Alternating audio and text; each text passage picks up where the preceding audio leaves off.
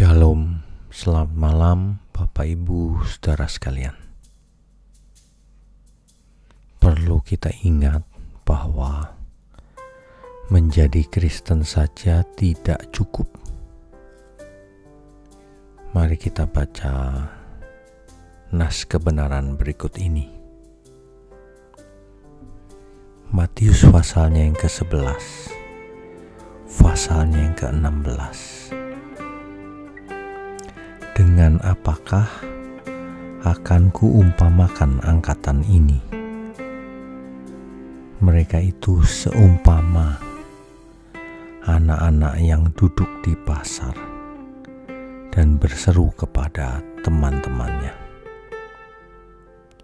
Kami meniup seruling bagimu, tetapi kamu tidak menari. Kami menyanyikan kidung duka tetapi kamu tidak berkabung. Bapak, ibu, saudara sekalian, ini adalah perkataan Tuhan Yesus mengingatkan bahwa jangan pernah di antara kita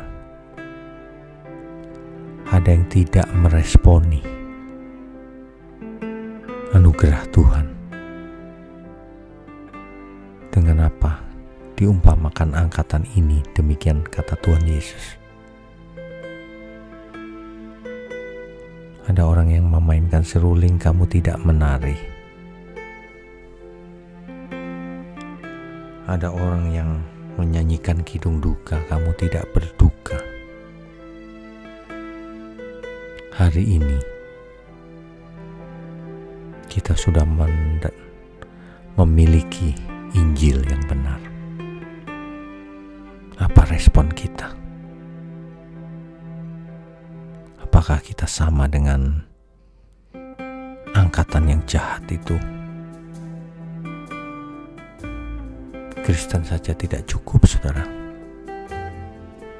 Oleh sebab itu, kita harus meresponi anugerah Tuhan sudah memberikan banyak hal dalam hidup kita. Kita diberi kesempatan untuk menjadi anak-anak Allah yang bukan ditentukan oleh KTP-nya saja. Biarpun KTP-nya Kristen, ia mengaku percaya dengan mulutnya tetapi yang penting adalah faktanya. Yang penting adalah respon seseorang terhadap anugerah Tuhan. Sebab meskipun Tuhan Yesus mati di kayu salib, tetapi kalau seseorang tidak bertobat, tidak meresponi, maka pengampunan dosa itu tidak berlaku bagi dirinya.